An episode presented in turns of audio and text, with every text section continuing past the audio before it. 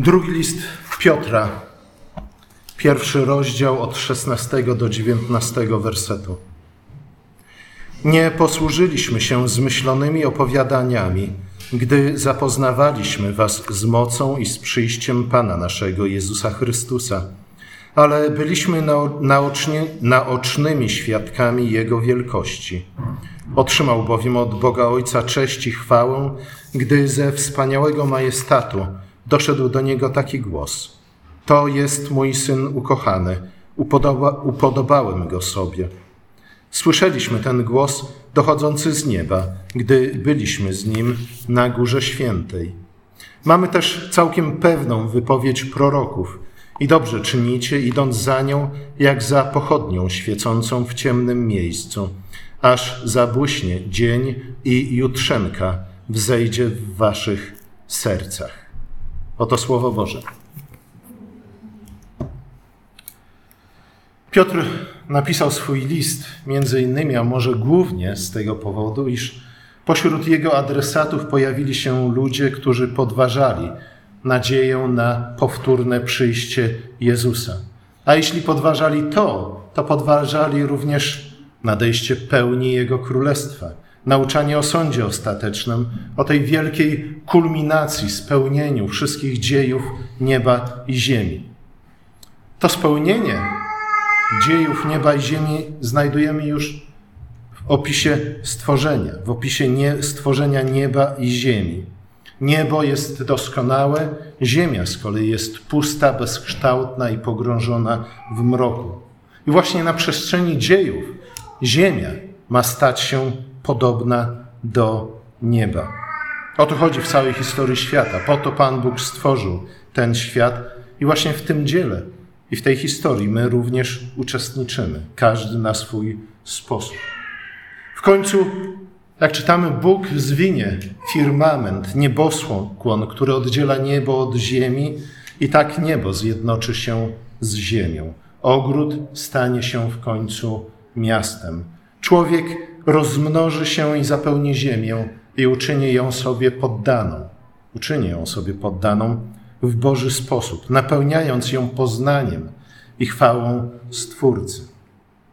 Słuchajcie, jeśli tak jest, to to oznacza, że wiara chrześcijańska jest bardzo mocno połączona z pewnym określonym postrzeganiem historii świata, tego w jaki sposób ona się toczy i przede wszystkim tego, ku czemu ona zmierza w jaki sposób również się odbywa. Dzieje świata zmierzają do obiecanego już na samym początku celu, obiecanej kulminacji dziejów świata. Dlatego nie tylko Piotr, ale również Paweł tak wielką uwagę przykładają do nadziei chrześcijańskiej, do tego, czego się spodziewamy, w nadziei czego żyjemy i trudzimy się, a także w nadziei czego umieramy. Paweł na przykład w pierwszym liście do Koryntian najdłuższy rozdział tego listu poświęcił właśnie kwestii zmartwychwstania, którego powszechnego zmartwychwstania, zmartwychwstania w ciele, którego zapowiedzią, a także pierwszym przejawem było zmartwychwstanie Chrystusa, który pokonał śmierć. Piotr w swoim liście odwołuje się do innego wydarzenia, które także jest zapowiedzią tego, jak będzie, jak będzie wyglądać kulminacja dziejów świata. Zatem jaka jest nasza chrześcijańska nadzieja? Innymi słowy, nasza wytrwałość, która pozwala nam przejść nie tylko przez dzieje świata, ale przez nasze własne życie, nie poddając się, nie porzucając tej nadziei. Piotr odwołuje się do innego wydarzenia, które również możemy nazwać wydarzeniem proroczym, zapowiadającym przyszłość i pełnię, a mianowicie do przemienienia Jezusa. Był wraz z Jakubem i z Janem naocznym świadkiem. Nie tylko widział, ale także na własne uszy słyszał głos dochodzący z nieba, potwierdzający, że Jezus rzeczywiście jest Mesjaszem i umiłowanym synem Ojca, tym, który został posłany przez Ojca po to, aby doprowadzić nas nie tylko do pojednania z Bogiem, ale także do spełnienia powołania, które otrzymaliśmy już, kiedy Bóg nas stworzył. To Piotr, Jakub i Jan spotkali Mojżesza i Eliasza na górze przemienienia. Spotkali zatem ludzi dawno zmarłych, ludzi, o których moglibyśmy sądzić, że byli wielkimi ludźmi, ale odeszli i już ich nie ma.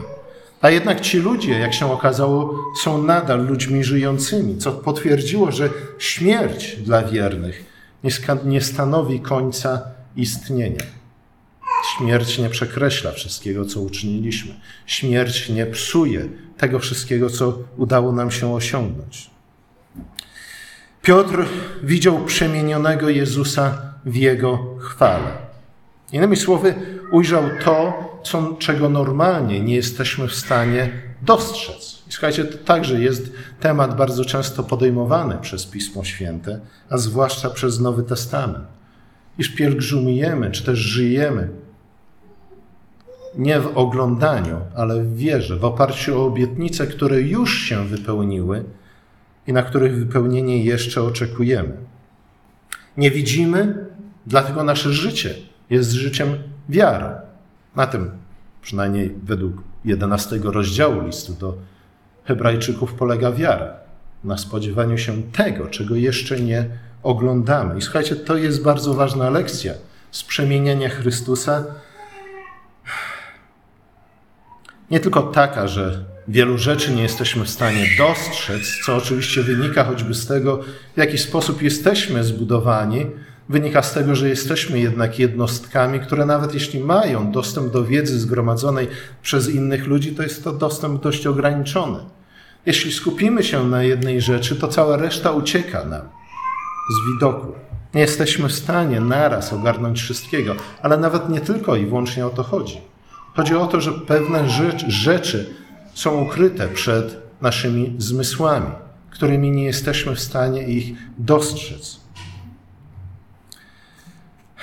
Może to i dobrze, że nauka współczesna opiera się na doświadczeniu empirycznym, ale właśnie w tym tkwi jej zdecydowane ograniczenie. Nauka być może jest w stanie nam powiedzieć, co jest, ale nie za bardzo jest w stanie nam powiedzieć, co będzie, co czeka, co czeka nas w przyszłości, a już na pewno nie jest w stanie nam powiedzieć, co powinno być. I tak Piotr, Jakub i Jan na górze przemienienia ujrzeli to, co dla normalnego człowieka, co dla nas wszystkich zazwyczaj jest ukryte. Ujrzeli boskość ukrytą w człowieczeństwie. Ujrzeli chwałę pod postacią pokory. Ujrzeli moc ukrytą w słabości. Zazwyczaj nie tam szukamy chwały, nie tam szukamy mocy i tam nie, szukamy boskości. Ale słuchajcie, to w jaki sposób Ojciec objawił się nam w Synu, Pamiętajmy, że kulminacją tego objawienia było przeklęte drzewo krzyża. Bardzo wiele mówi nam, nie tylko na sposobie objawienia, na sposobie też poznawania, ale przede wszystkim na temat tego, kim jest Bóg, który w taki, a nie w inny sposób nam się objawia.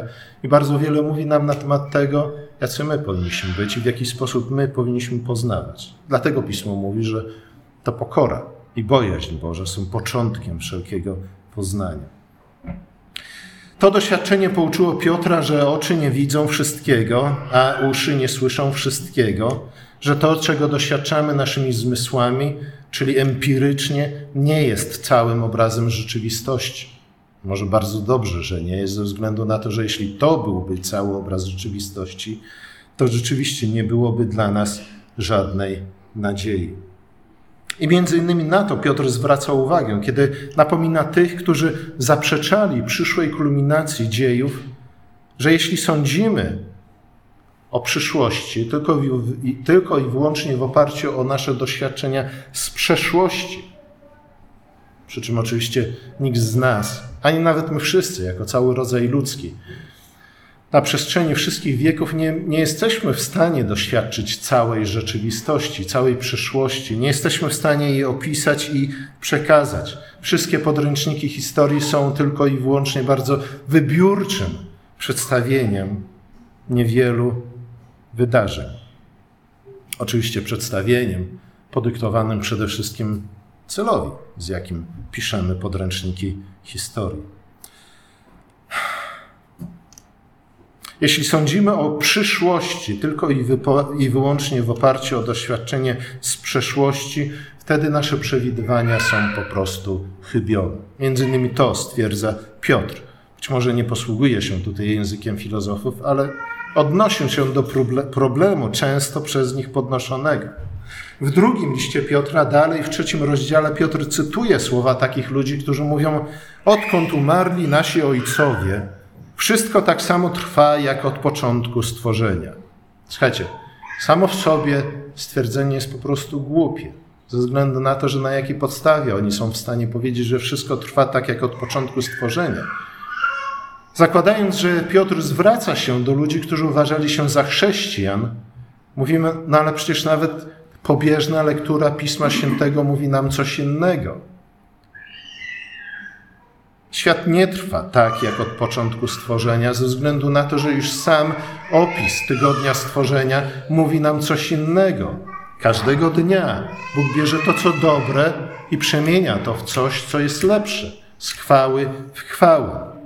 Zatem pobieżna lektura Pisma Świętego mówi, że to jest po prostu głupie stwierdzenie. Z drugiej strony nie jesteśmy w stanie ogarnąć tego, co się działo. Być może rzeczywiście rozwój pod każdym względem świata do przyjścia Chrystusa nie był tak intensywny, nie był tak szybki, nie przebiegał w takim tempie, jak przebiega obecnie. Niemniej jednak nawet wtedy ludzie mogli zauważyć, że jednak pewne rzeczy się zmieniają. Zresztą sam Salomon mówi: Słuchajcie, niedobrze jest mówić, że nic się nie zmienia, że wszystko jest tak, jak było. Wszystko trwa. Nie sposób niezmienny. Ci ludzie odwołują się do powszechnego doświadczenia, ale wyciągają zeń fałszywe wnioski. Przedstawiają siebie jako ludzie rzeczowi, twardo stąpający po ziemi, Ludzie, którzy odrzucają wszelkiego rodzaju fantasmagorie i mrzonki dotyczące jakiejś radykalnej zmiany na lepsze, która oczekuje nas w przyszłości. Generalnie rzecz biorąc, my wszyscy raczej nie tego oczekujemy. Raczej oczekujemy tego, iż żyjemy u kresu czasów i wszystko to diabli wezmą, ale przynajmniej to będzie koniec naszego mozołu. Tacy ludzie niestety okazują się ludźmi niezbyt rozgarniętymi i to nawet w oparciu o przesłanki, na których wyciągają swoje wnioski, mówiąc, że nic się nie zmienia, niczego nowego nie, nie, nie powinniśmy oczekiwać w przyszłości. Dlatego Piotr nazywa ich teorie wymyślnymi mitami, innymi słowami, no, bajkami, które nie za bardzo trzymają się nawet rzeczywistości, która jest nam dostępna poprzez nasze zmysły. Być może ich logika jest nienaganna, ale niestety nie uwzględnili bardzo wielu, ale też bardzo istotnych przesłanek, z których najważniejszą przesłanką jest ta o Bogu. O Bogu, który to, czego nie ma, powołuje do bytu, który to, co, to, co proste i bez, puste i bezkształtne, przemienia w rajski ogród, który martwych wzbudza do życia, który sprawia, że bezpłodna matka staje się matką wielu dzieci. To jest Bóg, o którym mówi Biblia. Dlatego nie powinniśmy mówić, iż nic się nie zmienia, wszystko będzie trwać tak, jak, się, jak trwa, że nie będzie żadnej cudownej interwencji Boga. Czyż przyjście Chrystusa, Jego krzyż i zmartwychwstanie nie były świadectwami właśnie takiej interwencji? Ale słuchajcie, nawet gdybyśmy usunęli Boga z tego równania, to i tak nie mielibyśmy podstaw do twierdzenia, że przyszłość niczym istotnym nie będzie się różnić od tego, co jest, czego doświadczyliśmy w przeszłości. Przynajmniej od czasów Newtona, który uświadomił nam istnienie zasad dynamiki i termodynamiki, powinniśmy wiedzieć, że no, jeśli coś jest i nie nastąpi żadna interwencja z zewnątrz, to co się stanie z takim układem? Wiecie? Pamiętacie? Ktoś jeszcze uważał na lekcji fizyki w szkole? Wiecie, o czym mówię.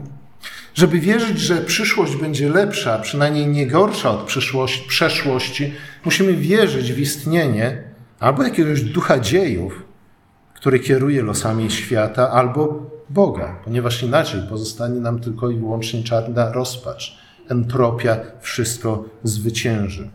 Czarna rozpacz albo też coś, do czego o wiele częściej się odwołujemy, a mianowicie ignorowanie rzeczywistości, w czym jesteśmy bardzo dobrzy. Jak coś nam nie pasuje, usuwamy to z obrazu. Zachowujemy się jak prokrust, który wszystkich swoich gości przycinał albo rozciągał do rozmiarów swojego łóżka. Piotr jednak nie poprzestaje na powołaniu się na osobiste doświadczenie. Mówi, no, tak, ja, Jakub, Piotr, wszyscy to widzieliśmy, wszyscy to słyszeliśmy, jesteśmy naocznymi świadkami. Oczywiście możecie zakwestionować naszą wiarygodność, chociaż jeśli tak, to na jakiej podstawie byście chcieli to uczynić? Ale z drugiej strony odwołuje się do Pisma Świętego. Czyni coś podobnego, co czyni Paweł w liście do Koryntian, pisząc o zmartwychwstaniu. Najpierw wskazując na przeszło 500 świadków, z których większość nadal było żywych w czasie, kiedy Paweł pisał ten list, ale mówi, słuchajcie, mam jeszcze inne, drugie świadectwa, a mianowicie świadectwo Pisma, świadectwo proroków. W tych słowach słyszymy pewne echo słów Jezusa skierowanych do niewiernego Tomasza. Szczęśliwi ci, którzy nie ujrzeli, ale uwierzyli, po których Jan dodaje, że właśnie w tym celu spisał Ewangelię abyśmy czytając ją uwierzyli, że Jezus jest Mesjaszem, Synem Bożym i abyśmy wierząc mieli życie w Jego imię. To świadectwo Pisma jest dla nas pochodnią, jak pisze Piotr, świecącą w ciemności i rozświetlającą mroki naszego serca. Bez tego świadectwa bylibyśmy zagubieni, bez tego świadectwa pozostawieni bylibyśmy tylko i wyłącznie na jakiekolwiek wnioski wyciągniemy z naszego osobistego doświadczenia. A te bywają bardzo różne i często wręcz przeciwne. Zaprzeczające sobie nawzajem, jeśli dobrze się nam powodzi, jesteśmy optymistycznie nastawieni. Jeśli nam się powinie noga, nagle wszystko widzimy w czarnych barwach. I dlatego świadectwo Pisma Świętego jest dla nas ważne. Po to między innymi, żeby wprowadzić pewną emocjonalną stabilność w naszym życiu, która jest nam potrzebna do tego, żebyśmy po prostu albo nie zwariowali, nie zwariowali albo przynajmniej, żebyśmy nie miotali się od bandy do bandy. Mamy więc podwójne świadectwo: świadectwo apostołów, świadectwo naocznych świadków chwa, chwały Chrystusa oraz świadectwo proroków spisane w Piśmie Świętym. Oba świadectwa są zgodne i zwraca na to uwagę dwóch świadków co najmniej, Piotr i Paweł. Na co poznaniacy powinni zwracać szczególną uwagę. Zgadza się? Dlaczego? No bo naszym patronem, naszym, i niestety nie mieszkam w Poznaniu, waszym patronem jest przecież jeden i drugi, i Piotr, i Paweł.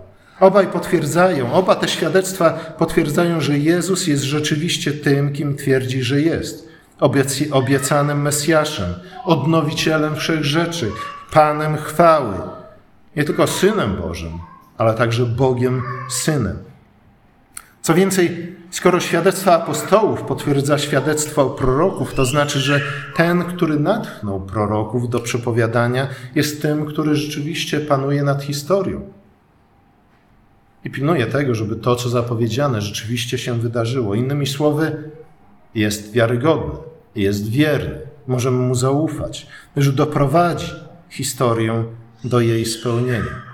Do spełnienia, które zapowiedziane zostały już w stworzeniu nieba i ziemi. Piotr nie pisze jednak tego wszystkiego tylko i wyłącznie po to, aby wyjaśnić nam, jak się sprawy mają, nie tylko i wyłącznie po to, aby wskazać, wykazać fałsz tych, którzy zaprzeczają temu, iż historia zmierza do jakiejś kulminacji, do jakiegoś rozwiązania.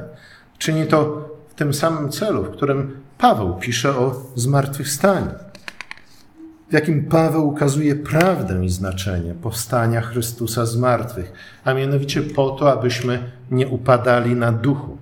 Zwłaszcza wtedy, kiedy i nam, ze względu na to, co postrzegamy naszymi zmysłami, ze względu na nasze aktualne doświadczenia, wydaje się, że ani nasze życie, ani tym bardziej dzieje świata tak naprawdę nie zmierzają donikąd, a już na pewno nie zmierzają do tej pełnej chwały ich kulminacji. Kiedy tracimy z naszych oczu Królestwo Niebieskie. Przecież Jezus powiedział: Słuchajcie, w ten sposób macie żyć. I to jest jedyny sposób, żebyśmy w ogóle przeszli przez życie. Z jednej strony zajmowali się naszymi codziennymi sprawami i za bardzo nie wtykali noski, nosy w cudze garnki, ale z drugiej strony nigdy nie zapominali o Królestwie Niebieskim i o Jego sprawiedliwości ze względu na to, że to ono, to Jego nadzieja, nadzieja pełni Królestwa jest tym, co, nie, co pozwala nam nie pogubić się w naszym codziennym życiu.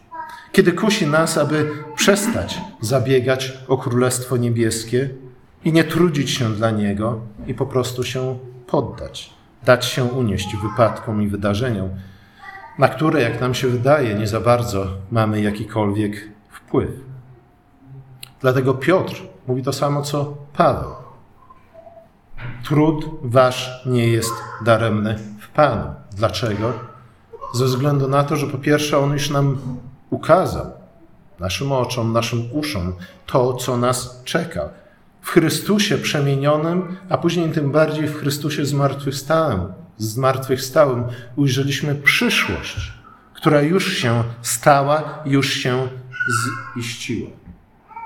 I słuchajcie, nie zapominajmy o tym, jak się kończy historia przemienienia pańskiego. Piotr, Jan, Jakub tak bardzo są zachwyceni tym wszystkim, w czym uczestniczą, że chcą to zatrzymać dla siebie już na zawsze. Chcą pozostać na tej górze. Piotr mówi, ach, rozbijmy trzy namioty. Nie nam, nie dla mnie, Jakuba i Jana, ale dla Ciebie, Panie, dla Mojżesza i dla Eliasza.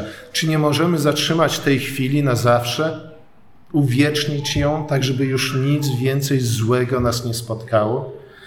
A Jezus mówi, y, nein, jeszcze nie. I każe im zejść na dół. I schodzą z góry. I co spotykają? Chłopca opętanego przez demona, którego uczniowie, apostołowie, którym udawało się wcześniej wypędzać demony, nie są w stanie w żaden sposób pomóc. Próbują, próbują na wszelkie różnego sposoby, na wszelkie różne sposoby i nic. Nie? I to jest ta rzeczywistość, do której wracają. Ale wydaje się, że właśnie po to Chrystus ukazał się Piotrowi, Janowi, Jakubowi. Po to ukazał się później 500 ponad ludziom po zmartwychwstaniu. Dlatego właśnie o tym czytamy w Piśmie Świętym. Tak często. I na co zwracają uwagę apostołowie. Abyśmy z jednej strony nie zapominali o tym, co nas czeka i nie tracili z uwagi tego, iż przyszłość już nastała w Chrystusie, ale z drugiej strony, żebyśmy nie pomyśleli, że ten trud, czy też nasza nadzieja są bezsensowne i płonne i daremne ze względu na to, co nas czeka, kiedy wstępujemy z tej góry pańskiej, z góry przemienienia i spotykamy chłopców opętanych przez demony, z którymi nikt nie jest w stanie sobie poradzić.